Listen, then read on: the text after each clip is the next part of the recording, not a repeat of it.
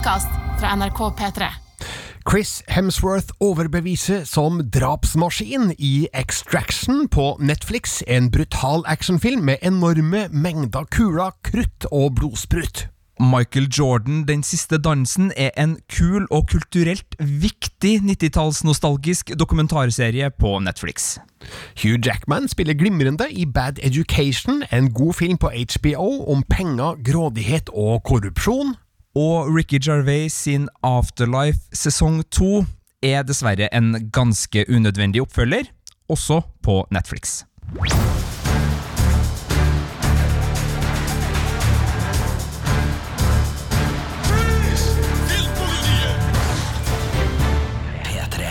Vi sitter på hvert vårt hjemmekontor. Jeg heter Birger Vestmo, og du heter Sigurd Vik. Og vi skal aller først til Extraction, som nå kan ses på Netflix fra og med fredag 24. april.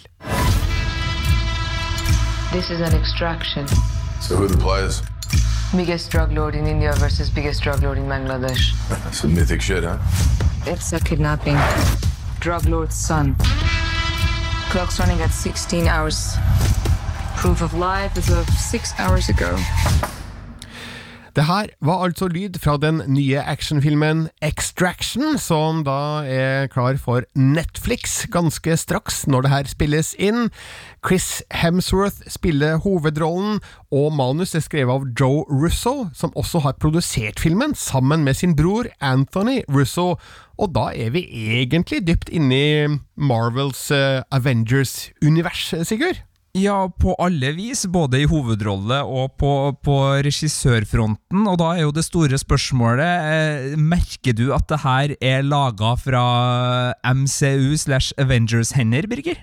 Altså Ikke rent innholdsmessig, men uh, man ser det jo på skalaen og den såkalte production valuen at uh, her er det folk inn i bildet som kan lage action, og det er jo det som er hovedfokuset i Extraction, som til og med har action i filmens tittel. Man kan jo være morsom og kalle filmen for Extra Action, for um, her er det full rulle og bånn gass uh, omtrent fra start til slutt. Det her er jo egentlig en ganske enkel historie, da, der det ikke er så veldig mye kjøtt på beinet utover det rent actionmessige, men jeg kan jo da likevel kort forklare opplegget her. Chris Hemsworth spiller da en leiesoldat som heter Tyler Rake. Denne leiesoldaten har det egentlig ikke så veldig bra, og det er kanskje derfor han tar på seg en jobb som kan virke uoverkommelig. Han skal nemlig da redde en 14 år gammel gutt som er kidnappa av en krimboss i Dhaka i Bangladesh, men han oppdager da at det er noe som ikke stemmer med oppdraget. Han ender opp med å bli jaga gjennom byen sammen med denne gutten da, av flere aktører. Han må oppsøke en gammel venn og tidligere kollega, Gaspar, spilt av David Harbour, som, som bor i byen. Og samtidig så forsøker da teamet til Tyler Rake, under ledelse av Nick, spilt av goldskiftet Farahani, å komme dem til unnsetning. Utgangspunktet her er jo at de må komme seg fra punkt A til punkt B, og det som skjer imellom, det er rett og slett masse skjøting og slåssing og bilkjøring og destruksjon og ja, brutal død. Jeg vet ikke hvilken body count filmen har, men den er, for å si det sånn, betydelig. Og her er vi på et felt der jeg føler meg som en dårlig filmkritiker, Sigurd, fordi du vet det, men det er ikke sikkert alle som hører på veit det, men jeg elsker actionfilm.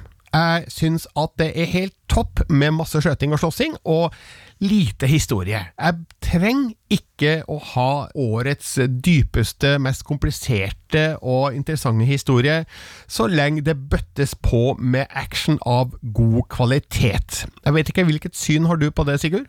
Jeg tenker at uh, man må bare la folk få lov til å være sånn som de er, og sånn er du, Birger, og det er helt greit. Det er godt å høre. Nå um, skal det sies at uh, filmen er regissert av en mann som heter Sam Hargrave. Han debuterer som eh, spillefilmregissør, men han har lang og god erfaring som både stuntmann, stuntkoordinator og second unit-regissør, annet for Russo-brødrenes to Avengers-filmer, så det her er en kar som kan action, og det har filmen mange gode eksempler på. Og det er spesielt én sekvens da som er minneverdig, og det er en ca. tolv minutter lang uavbrutt scene. Der kameraet henger på Tyler Rake gjennom en ganske begivenhetsrik tur gjennom Dhaka, der det foregår både i og utafor en bil, og opp i en bygning og ned fra bygningen, og litt videre også. Og det er gjort med kameraet i umulige vinkler og situasjoner, og det er i hele tatt imponerende rent teknisk. Så her viser jo da Sam Hargrave at uh, han virkelig veit hvordan man skrur sammen en actionscene. Og resten av actionen i Extraction er òg veldig tøff og knallhard og brutal. Det sprutes blod, og det drepes for fote. og hvis du er litt eh, sart i sjela, så er det kanskje en film du bør styre unna, for den, den har 18-årsgrense på Netflix. Og ja, altså, det er jo ikke ofte at filmer får 18-årsgrense på kino i Norge, men jeg tenker at hvis Extraction hadde kommet opp på kino her og blitt vurdert av Medietilsynet, så er det ikke utenkelig at de hadde gått opp på 18-årsgrensa her, for eh, voldsnivået i Extraction er omtrent like brutalt som i eh, Eh, eksempel da The Raid-filmene fra Indonesia, og, og, også da John Wick-filmene med Keanu Reeves. Så de som er blodhunder og glad i uh, tøff action som trøkker ordentlig til, de må gjerne kose seg, hvis det går an å si, da, med Extraction. Men jeg må spørre deg, Birger, uh, fordi du nevnte John Wick her, og det er jo også en, en actionfilmserie av ganske ny dato som uh, i hvert fall til dels har uh, tidligere stuntmenn, eller en tidligere stuntmann på regifronten. altså, er det noe vi ser her nå hvor, en, hvor man har skjønt at det å la fagfolk som virkelig kan den delen av actionfilmindustrien, få litt friere tøyler og få, få komme fram, og, og, og er den på John Wick-nivået? Altså, John Wick-filmene er nok mer strømlinjeforma og stiliserte enn det Extraction er, men eh, jeg tenker jo at eh, det kan være et smart grep å la actionfagkunnskapen eh, sitte i registolen, hvis det er det som skal være hovedfokuset i filmen. Men så merkes det jo at uh, personskildringa i Extraction den er ikke spesielt god.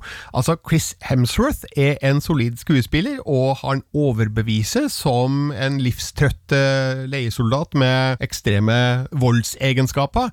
Men du får ikke helt den uh, figurutviklinga som vi gjerne skulle ha hatt. og dette forholdet som da utvikler seg mellom leiesoldaten og kidnappingsofferet han forsøker å redde, det blir ikke bra nok skildra til at vi opparbeider oss et særlig stort engasjement for dem. Så um, her er filmen uh, ikke god nok på det dramaturgiske, men uh, den er nesten uslåelig på actiondelen, så det er det som er det beste man kan ta ut av uh, Extraction, og det ser vi jo også i John Wick-filmene, at uh, det er jo det er jo actionscenene som er det viktige her. Vi bryr oss ikke så veldig mye om resten. Vi er ikke så emosjonelt medriva i verken John Wick eller i Extraction, men uh, det er ikke det som er liksom poenget med filmer som det her. Her handler det om å sparke ræv, og det gjøres veldig godt i både John Wick og i Extraction. Nå er det da en eh, film som er innspilt i både India og Thailand, eh, det her. Eh, det skal da forestille Dhaka i Bangladesh. Jeg aner ikke hvordan det ser ut i Dhaka i Bangladesh, men i hvert fall så gir Extraction et ganske levende bilde av et kaotisk bymiljø, som, som er en veldig god bakgrunn da, for uh, en ganske handlingsmetta reise. Så jeg likte uttrykket i filmen. Fotografert av Newton Thomas Siegel, som er en ringrev i bransjen. Han har begått eh, filmer som er så forskjellige som eh, Tre konger og Drive og Bohemian Rhapsody, faktisk. Men hans kamera setter oss midt i sentrum av begivenhetene eh, her, og jeg må også nevne lydlegginga av filmen. Den er utrolig tøff. Det er veldig mye skjøting og veldig mange granatnedslag, og det skjer masse i bassen her. Så har du en subwoofer i stua, så får den kjørt seg. Det er jo en film som da er i et format som passer best på kino. Det er jo ikke til å komme unna det, og Netflix har jo egentlig overraska med sin satsing på filmer som ser ut som at de skal på kino, men da har premiere i TV-ruta. Jeg hadde jo sett for meg at de helst skulle ha laga filmer som var mer tilpassa en 16-9-skjerm i en stue, men det er ikke den retningen de går, og um, det får man jo bare respektere. De har jo mange andre filmer som kanskje er mer beregna for uh, TV-titting, men um, Extraction den er for de som har størst mulig skjerm, eller kanskje helst en hjemmekino. Så se den under så gode visningsforhold som mulig. Vær obs på at manuset det kan vel nærmest kalles banalt, men det legger forholdene til rette for en hardbarka voldsestetikk som sånne som meg i hvert fall setter stor eh, pris på. Jeg tenker at fire er det perfekte terningkastet til en film som Extraction.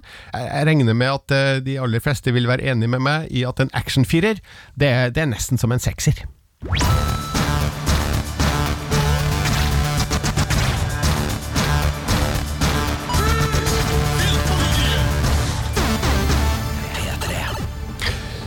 Skal det handle om en kjent basketballspiller, Sigurd. Det skal det, for denne uka var det premiere på den nye dokumentarserien Michael Jordan, Den siste dansen.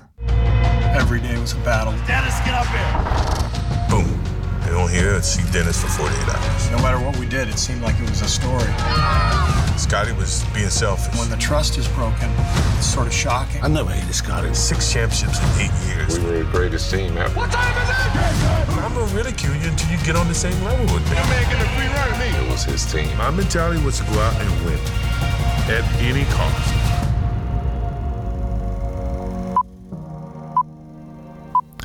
Michael Jordan, Den siste dansen, er altså navnet på denne serien. Og eh, må man være interessert i amerikansk basketball for å ha interesse for det her? Nei, det må man ikke, fordi denne serien eh, Altså, den originale tittelen er The Last Dance, og så har den norske tittelen fått Michael Jordan foran, eh, og det er nok fordi Michael Jordan er den store stjerna her, det store ikonet, men det er en eh, serie på ti episoder, hvor jeg har sett de første fem, eh, som tar for seg Chicago Bulls eh, sin frammarsj og sin dominering av NBA på 90-tallet, men det er også en serie dynka i kjendiser, popkultur, amerikansk samfunnsliv, politikk, økonomi osv. Dette er en samproduksjon mellom Netflix og uh, ESPN, som er da et amerikansk sportsjournalistisk uh, TV-selskap. De har tidligere laga dokumentarer som OJ Simpson, Made in America, som fikk terningkast seks her i Filmpolitiet, og The Two Escobars, som da tar for seg historier om kokainbaron Pablo Escobar og Andres Escobar, den eh, fotballspilleren som etter eh, VM i 94 gikk en veldig ublid skjebne i måte. Men det er en nysgjerrig gjeng det her som eh, kombinerer sportsjournalistikk og samfunnsjournalistikk, og smelter det sammen til veldig sånn nysgjerrige dokumentarer som har Veldig lyst til å se på de større sammenhengene. Altså, Hva er mekanismene bak suksessen til Chicago Bulls? Hvilke formativ og kulturell påvirkning fikk denne suksessen? Det er liksom hovedprosjektet, sånn som det ser ut. Og Det gjør jo at enten man er interessert i Air Jordan-skoen til Nike, man digger Space Jam, som kom i 1996, som jeg vet at du sikkert var glad i, Birger, med Bill Murray og Michael Jordan i hovedrollene. Hæ? Bugs Bunny? Du, jeg så den, men jeg husker den ikke lenger, så jeg vet rett og slett ikke om jeg likte den. Ah, ok. For oss som var barn på 90-tallet, så var den eh, absolutt en film man huska godt. Kommer en oppfølger, tror jeg, i 2021 med LeBron James, eh, som visstnok da skal, eh, skal spille en, en ny variant av basket i tegneserieland. Nok om Space Jam. I hvert fall for nå. Den ligger på Netflix, den òg, hvis eh, folk er interessert. Men, men altså, det er en, en historie her som, som, griper inn i så mange deler av samfunnet. Man hadde Dream Team, det her OL-laget fra USA som dro til Barcelona i 1992 med Magic Johnson på, på laget og Michael Jordan, og man ser liksom folkesamlinger rundt omkring i verden hvor de her reiser rundt som bare er helt vill av fanbegeistring, for det er jo også denne perioden hvor fankulturen virkelig eksploderer rundt amerikansk idrett, og spesielt da amerikansk basket også i resten av verden, og man, man bygger sånne uh, stjerner som skal både selge produkter, Gatorade, McDonald's, uh, Nike osv., og, så videre, og man, man, får en helt ny kultur rundt det. Så det er en uh, serie som virkelig er ambisiøs, i tillegg til at den selvfølgelig er fokusert, og hovedingrediensen i denne serien er da uutgitte eller tidligere ikke viste klipp fra 97-98-sesongen, som er den siste sesongen det her drømmelaget i Chicago var samla, med da Scotty Pippen, Michael Jordan, Dennis Rodman under ledelse av Phil Jackson. Eh, og det er da et filmteam som har fått tilgang til å henge med laget på denne sesongen, eh, men det har vi ikke fått sett før nå. Så det utgjør liksom hovedspenningskurven i serien, men med hjelp av eh, Eller med fiffig hjelp av tidslinje så hopper vi da tilbake og får historier både til Michael Jordan, til Dennis Rodman, til Scotty Pippen osv., osv., sånn at vi får da hele Chicago Bulls-historia presentert. Og her dukker altså Jerry Seinfeld, Bill Clinton, Barack Obama, Nas, Carmen Electra Altså det ryr på med kjendiser som enten hang rundt laget på 90-tallet, eller som har noe vettugt å si om dem. For det er også ja, gjort intervju i dagens uh, klima, hvor både spillerne og ja, spesielt da Obama sitter og liksom tenker tilbake på hva hadde å si at Michael Jordan f.eks. ikke ville være politisk i ei tid hvor uh, ja, svarte politikere i USA hadde, uh, hadde godt kunne ha trengt en liten moralsk boost, f.eks. Så sånne småbiter er også med her. Det her høres jo ut som et rent nostalgisirkus. altså Hvordan skildres tidsepoken på slutten av 90-tallet her? Nei, det er gode opptak. Den er jo veldig konsentrert rundt basketbanen og garderoben og flyreiser og sånne ting, men f.eks. Dennis Rodman stikker jo til Las Vegas på eh, i utgangspunktet ikke tjuvperm, men det blir etter hvert tjuvperm i 1998, eh, sammen med Carmen Electra, hans daværende kjæreste. Og her henger jo eh, både tabloidpresse og, og, kamerafolk med. Jeg vet ikke helt hvem som har tatt opp hva, men man får jo da ganske sånn røft og rått innblikk i både eh, hvordan folk kledde seg, hvordan folk tedde seg, og hva folk likte å holde på med eh, på, på 90-tallet. Så, så det er det er jo sportsjournalistikk her, og, derfor så er jo arkivmaterialet så stort. ikke sant? Du har både masse nysgjerrige TV-fotografer som har drevet og filma overalt, du har private opptak, og du har da filmteam som var ansatt av klubben. Så, så sammen så gjør jo det her til at man får en veldig sånn deilig sammensatt både tidskoloritt og, og, og fil på hvordan det her formative mediasirkuset For det er jo ting her som var nytt da, som vi er veldig vant med i dagens uh, medieverden. Så det, det er fascinerende å å se. altså Birger, det, det er virkelig en, en godbit, godbit i så måte. Men hva med de som kanskje ikke fulgte med så godt på den tida, og ikke egentlig vet hvem Michael Jordan og Dennis Rodman er, eller hva? Altså, har Den siste dansen noe å, å tilby dem av interesse? Ja, jeg vil jo si det, fordi den, den er på en måte et uh, tidsbilde av et USA som, som, er fascinerende. Så enten man digger mote og syns at det er artig å se liksom hvordan Fordi Chicago Bulls-klær ble jo liksom uh, også en, en, veldig stor del av motebildet, og spesielt da Air Jordan-skoen. Man har den biten som man kan liksom se, og, og når Nas og andre artister, altså Justin Timberlake, sitter og snakker om hvor viktig det var for dem, så får man jo en knagg å henge det på. Så hvis man har Man, man får liksom mange muligheter til å se hvor viktig det her har vært for, om ikke deg sjøl, så de folkene du kanskje har et nært forhold til, som har kommet senere. Eh, så, så, det er mange sånne elementer, i tillegg til at det selvfølgelig er samfunnsutvikling som er interessant her, både når det gjelder eh, det økonomiske aspektet om hvordan eh, idrett har blitt det massive massive monsteret det nå er, hvis man digger engelsk fotball for eksempel, og Premier League og ser på eierstrukturer og hvordan kyniske mekanismer er i spill når det gjelder både handling av spillere og, og hvor utrolig profittdrevet og merkevaredrevet de her tingene har blitt, så er Chicago Bulls en fascinerende historie, for de starter som et veldig lite lokalt lag i 84, og ender opp som en av verdens største merkevarer i 1998. Så det er en reise som, som har veldig mye for seg på, på mange områder. Jeg vil si at den er litt rotete fortalt, spesielt i starten, fordi at du har denne 97-98-historia som skal liksom være den bærende spenningskurven, og så bruker de en sånn tidslinje som liksom plasserer deg i 1984 for å få litt mer om bakgrunnen til Michael Jordan. Så reiser du tilbake til 97, så reiser du for å lære litt om Scottie Pippen. Så reiser du tilbake til 97, så skal man inn og høre om hvordan uh, Chicago Bulls hadde på den tida. Så, så det blir en del sånne rykk og napp-situasjoner for å få det her til å henge sammen, men etter hvert som man sitter og ser, og episodene skrider fram, så kommer man mer naturlig inn i det, og man får uh, Man henger lettere med, da, selv om det er en liten konsentrasjonsøvelse å, å følge med på disse timeslange episodene i starten. Og så må det jo sies at hvis du ikke er basketinteressert, så blir det jo veldig mye basket på skjerm. Altså Det er mange montasjer her som virkelig eh, reindyrker den formen hvor uh, du bygger opp ved hjelp av liksom eh, kommentatorstemmene fra arkivklippene, og du bygger opp med liksom intense blikk, du har slow motion, du har liksom alle disse poengene som skåres, alle disse deilige ballbehandlingene, hvis det er lov å si, eh, som utgjør det. Men det er klart, hvis du ikke syns sporten er interessant, så blir jo de delene litt sånn her ja, ja, ja, vant dem eller tapte dem. Altså, du, du blir kanskje ikke grepet av det, men for meg som er sånn middels interessert, veldig glad i fotball, øh, spilt litt basket og syntes det var artig da jeg var, var ung, så, så er det her helt nydelig TV. Altså, det er helt nydelig TV. Fem episoder har du sett, og det betyr at eh, de fem siste kan jo være ræva, da, Sigurd? Ja, og jeg er litt spent, fordi øh, øh, altså, det her er altså, ESPN sin tradisjon har liksom vist at de er veldig grundige og uredde i journalistikken sin. Det så vi både på OJ Simpsons Made in America og The Two Escobars, men der var det uh, Det er de jeg har sett, da. Det er jo veldig, veldig, veldig mange flere her, men, men de to er veldig gode. Men det som er utfordringa er at der er det ikke noe problem å være uredd, fordi eh, hovedpersonene er liksom folk som har gjort litt eh, feile ting, eller som eh, har en veldig sånn tydelig rolle. Altså Det å, å være kritisk mot Pablo Escobar og OJ Simpson, det er ganske lett. Spørsmålet er hvor lett er det å være kritisk mot Michael Jordan?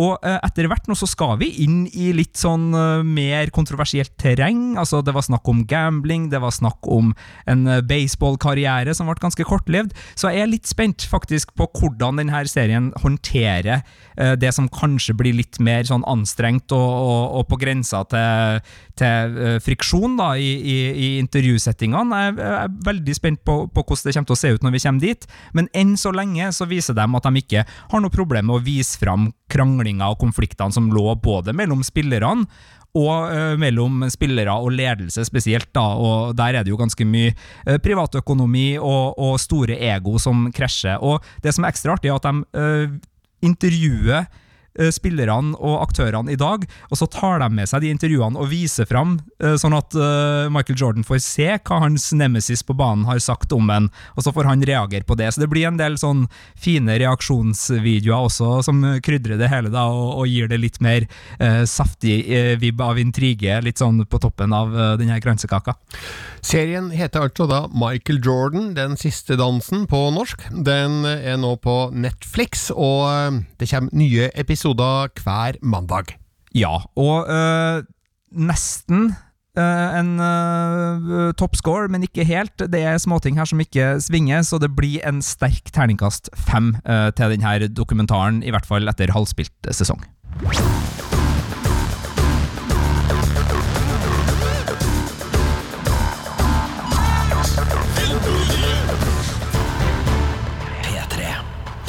Så skal vi over til HBO Nordic, for på søndag 26. april er det premiere på en splitter ny film der, som heter Bad Education, med Hugh Jackman i hovedrollen. This is a very real crime here, a theft of taxpayer money. The sum total is 250,000. What? Everything's fine. You can't jump the gun here, not when there's this much at stake. We need to know what we're dealing with. Frank, After everything we've worked for. Frank, To get this far. Frank. You have nothing to worry about. Frank's gonna fix this. Filmen heter altså Bad Education, er straks klar for HBO Nordic, og her spiller Hugh Jackman i rollen som en skoleinspektør som rammes av en økonomisk skandale. Og det her er basert på en sann historie, som da tar til i 2002 der vi ser hvordan eh, dr. Frank A. Tassone, spilt av Jackman, er en populær og respektert inspektør ved Roslyn High School, som da ligger på Long Island utafor New York. De har en elev som heter Rachel, spilles av Geraldine Wisvanathan, som eh, skal skrive om et nytt byggeprosjekt eh, for skoleavisa og avdekke da økonomiske uregelmessigheter, skal vi si det, som får store konsekvenser for en av skolas ansatte, nemlig Pam Gluckin, spilt av Alison Janny, som eh, har litt ansvaret for skolens skolas budsjetter og det rent finansielle ved drifta. Eh, så graves det litt videre, og det viser seg at underslaget har et større omfang enn først antatt. Og det gjør jo annet at skolestyret og dets leder, Bob Spicer, spilt av Ray Romano, blir forholdsvis bekymra, og det skal det vise seg at det er gode grunner til. Og her har du jo hørt allerede, Sigurd, at det er, det, det er solide navn involvert her. Altså Hugh Jackman, Alison Jenny og Ray Romano. Bare, bare det får man jo lyst til å se filmen for. Ja, det er jo en uh, deilig side ved det, at man får Wolverine og Alle elsker Ray i, i samme film, men uh, jeg tenker jo at det her har jo et snev av det som gjorde liksom filmer som All the President's Men, eller Alle presidentens menn, uh, og, og, ikke minst da Spotlight, som, som gjorde det stort på Oscaren for et par år siden, til så drivende gode filmer. Altså den der man har journalister, som vi i Filmpolitiet selvfølgelig er glad i, som begynner å pirke i noe, og så viser det seg at det er en, en underliggende skandale. Altså, jeg må si jeg elsker den uh, formeloppskrifta, og når det er basert på virkelige hendelser i tillegg, så, så, merker jeg jo at det her har jeg brennlyst til å se, Birger. Så da er jo spørsmålet er det severdig? Ja, i aller høyeste grad. Altså, De filmene du nevnte er jo egentlig ganske gode sammenligningskilder her. For det er realismen som står i høysetet her. For det er snakk om ganske vanlige arbeidsfolk eh, Sjøl om eh, Hugh Jackman og Alison Janney er celebre stjerner, så spiller de sånn, skal vi kalle blue collar-arbeidere her. Eh, litt underbetalte brikker i skolesystemet, som kanskje tar seg noen friheter, da, når det er litt for stor kontroll over pengestrømmen gjennom skolebudsjettet her.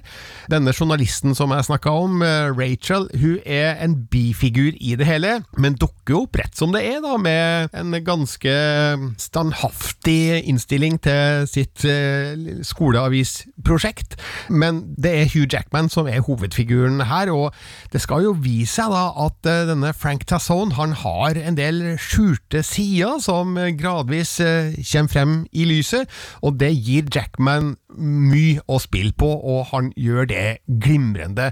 Han, han starter jo som en meget godt likt person, som vi forstår har et genuint engasjement for skolen og, og sine elever, og det er på det rene at han har fått gode resultater i skolesystemet der, men eh, så er det kanskje ting ved hans arbeid som inspektør som eh, det kan stille spørsmålstegn ved, og så skal vi la det være der. Eh, men filmen er jo da basert på et manus skrevet av Mike Makowski.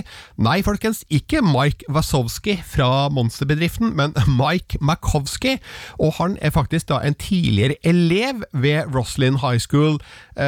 Riktignok da etter begivenhetene som skildres i filmen, men eh, man får jo bare tro at eh, Mike Markowski vet ganske mye om det som skjedde der, og eh, er i stand til å formidle historien slik den kanskje ble opplevd da for de involverte.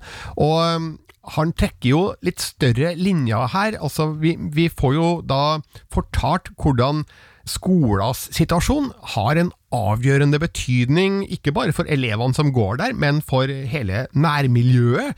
Fordi eh, hvordan skolen gjør det, det har betydning for eh, resten av byen. Altså, til og med eiendomsprisene kan påvirkes av hvor god eller dårlig områdets skole er. Så en økonomisk skandale vil jo da få langtrekkende konsekvenser, og vi ser jo da hvordan eh, skolestyret og de ansatte ved skolen innledningsvis eh, forsøker å dysse ned saken, eh, som kanskje ikke er den aller beste avgjørelsen, men eh, det er en film der vi kan forstå motivene bak eh, handlinga, som kanskje ikke er så veldig smarte i det lange løp.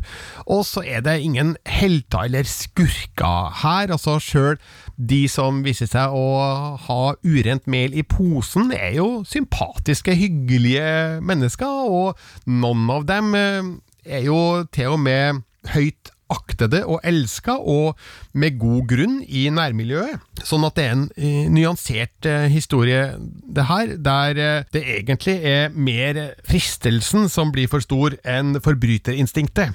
Så derfor mener jeg at eh, Bad Education har eh, mange gode kvaliteter som gjør det her til en eh, overraskende hyggelig filmopplevelse, tenker jeg. Må også nevne at filmen er regissert av Corey Finley, og dermed er du kanskje spent på terningkastet, Sigurd. Det gir seg kanskje sjøl, men jeg gir en femmer til Bad Education.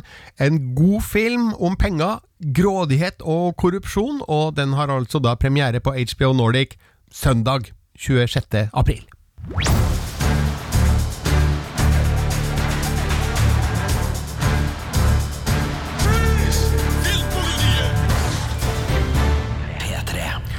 Afterlife sesong 1 fikk svært gode skussmål stort sett overalt, og Ricky Gervais er nå klar med sesong 2. People think all those things I miss doing with Lisa, I could just do them anyway. They're missing the point. I miss doing nothing with Lisa. Be strong. Everybody's struggling. It's not always their fault. The last thing you should do is drink alone.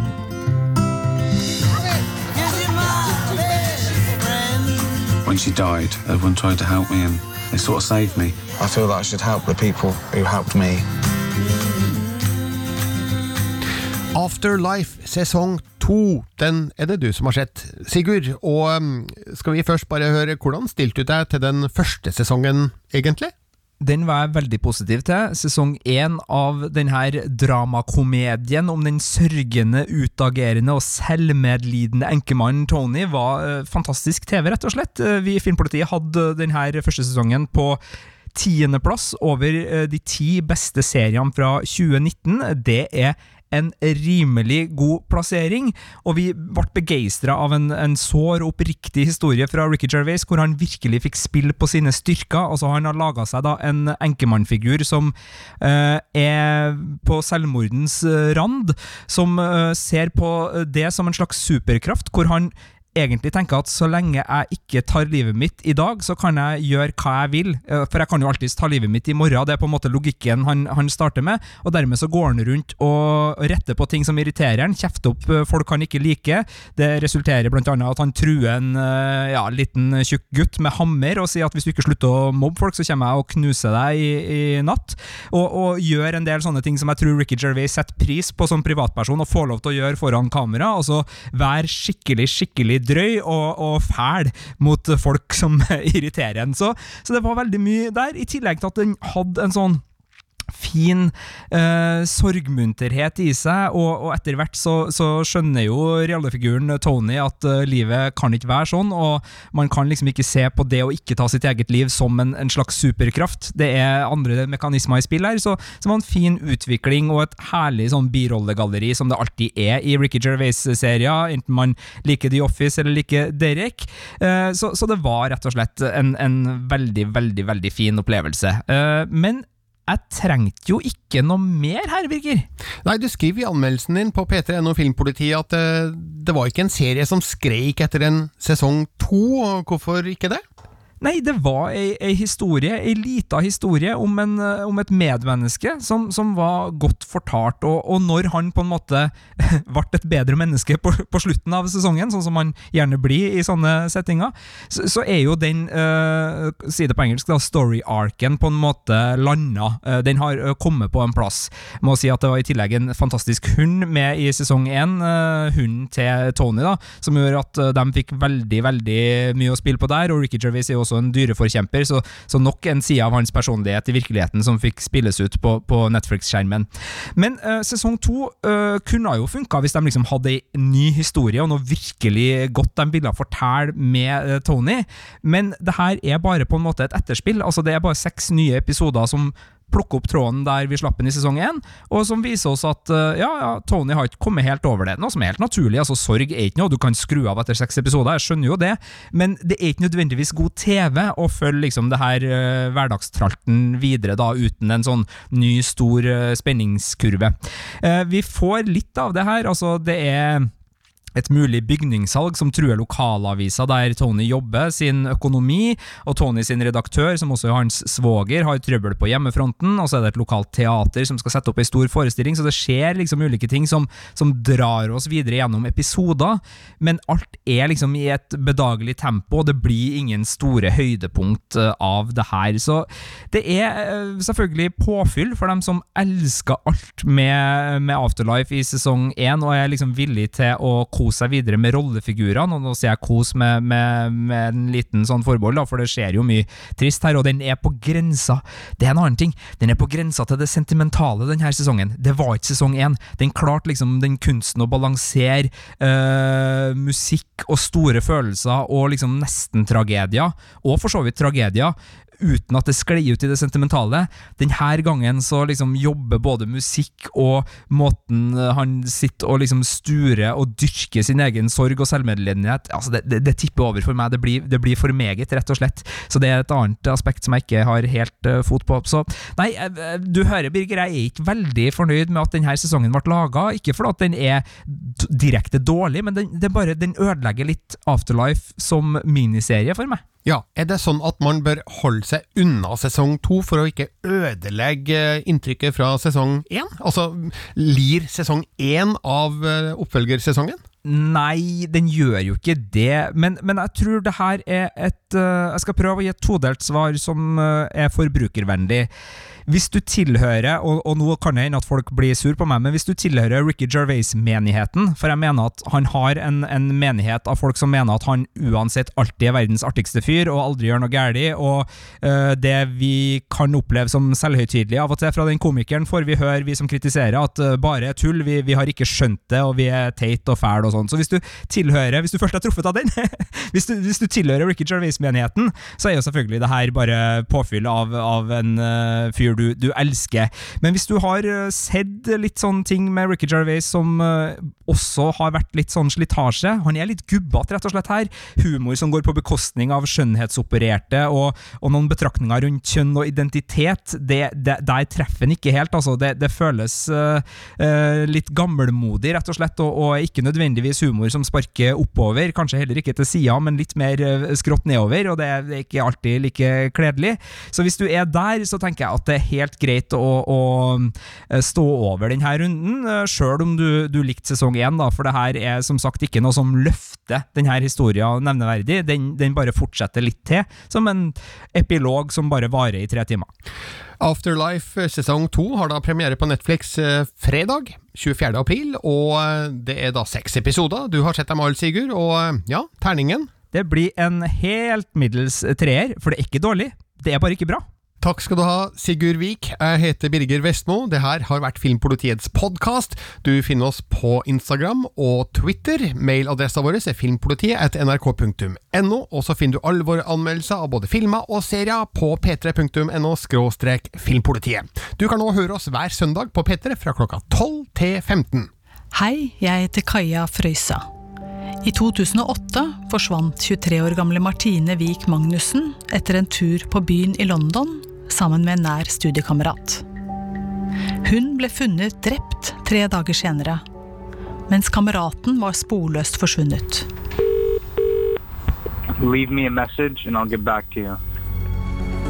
Leave me a message and I'll get back, back to you. Det som skjedde med Martine, gjorde dypt inntrykk på meg, fordi jeg selv er mor til to jenter, og jeg tenker at dette kunne skjedd med hvem som helst. Nå har jeg laget fortellingen om drapet på Martine Wiik Magnussen. Du finner den i podkasten Hele historien i NRK Radio.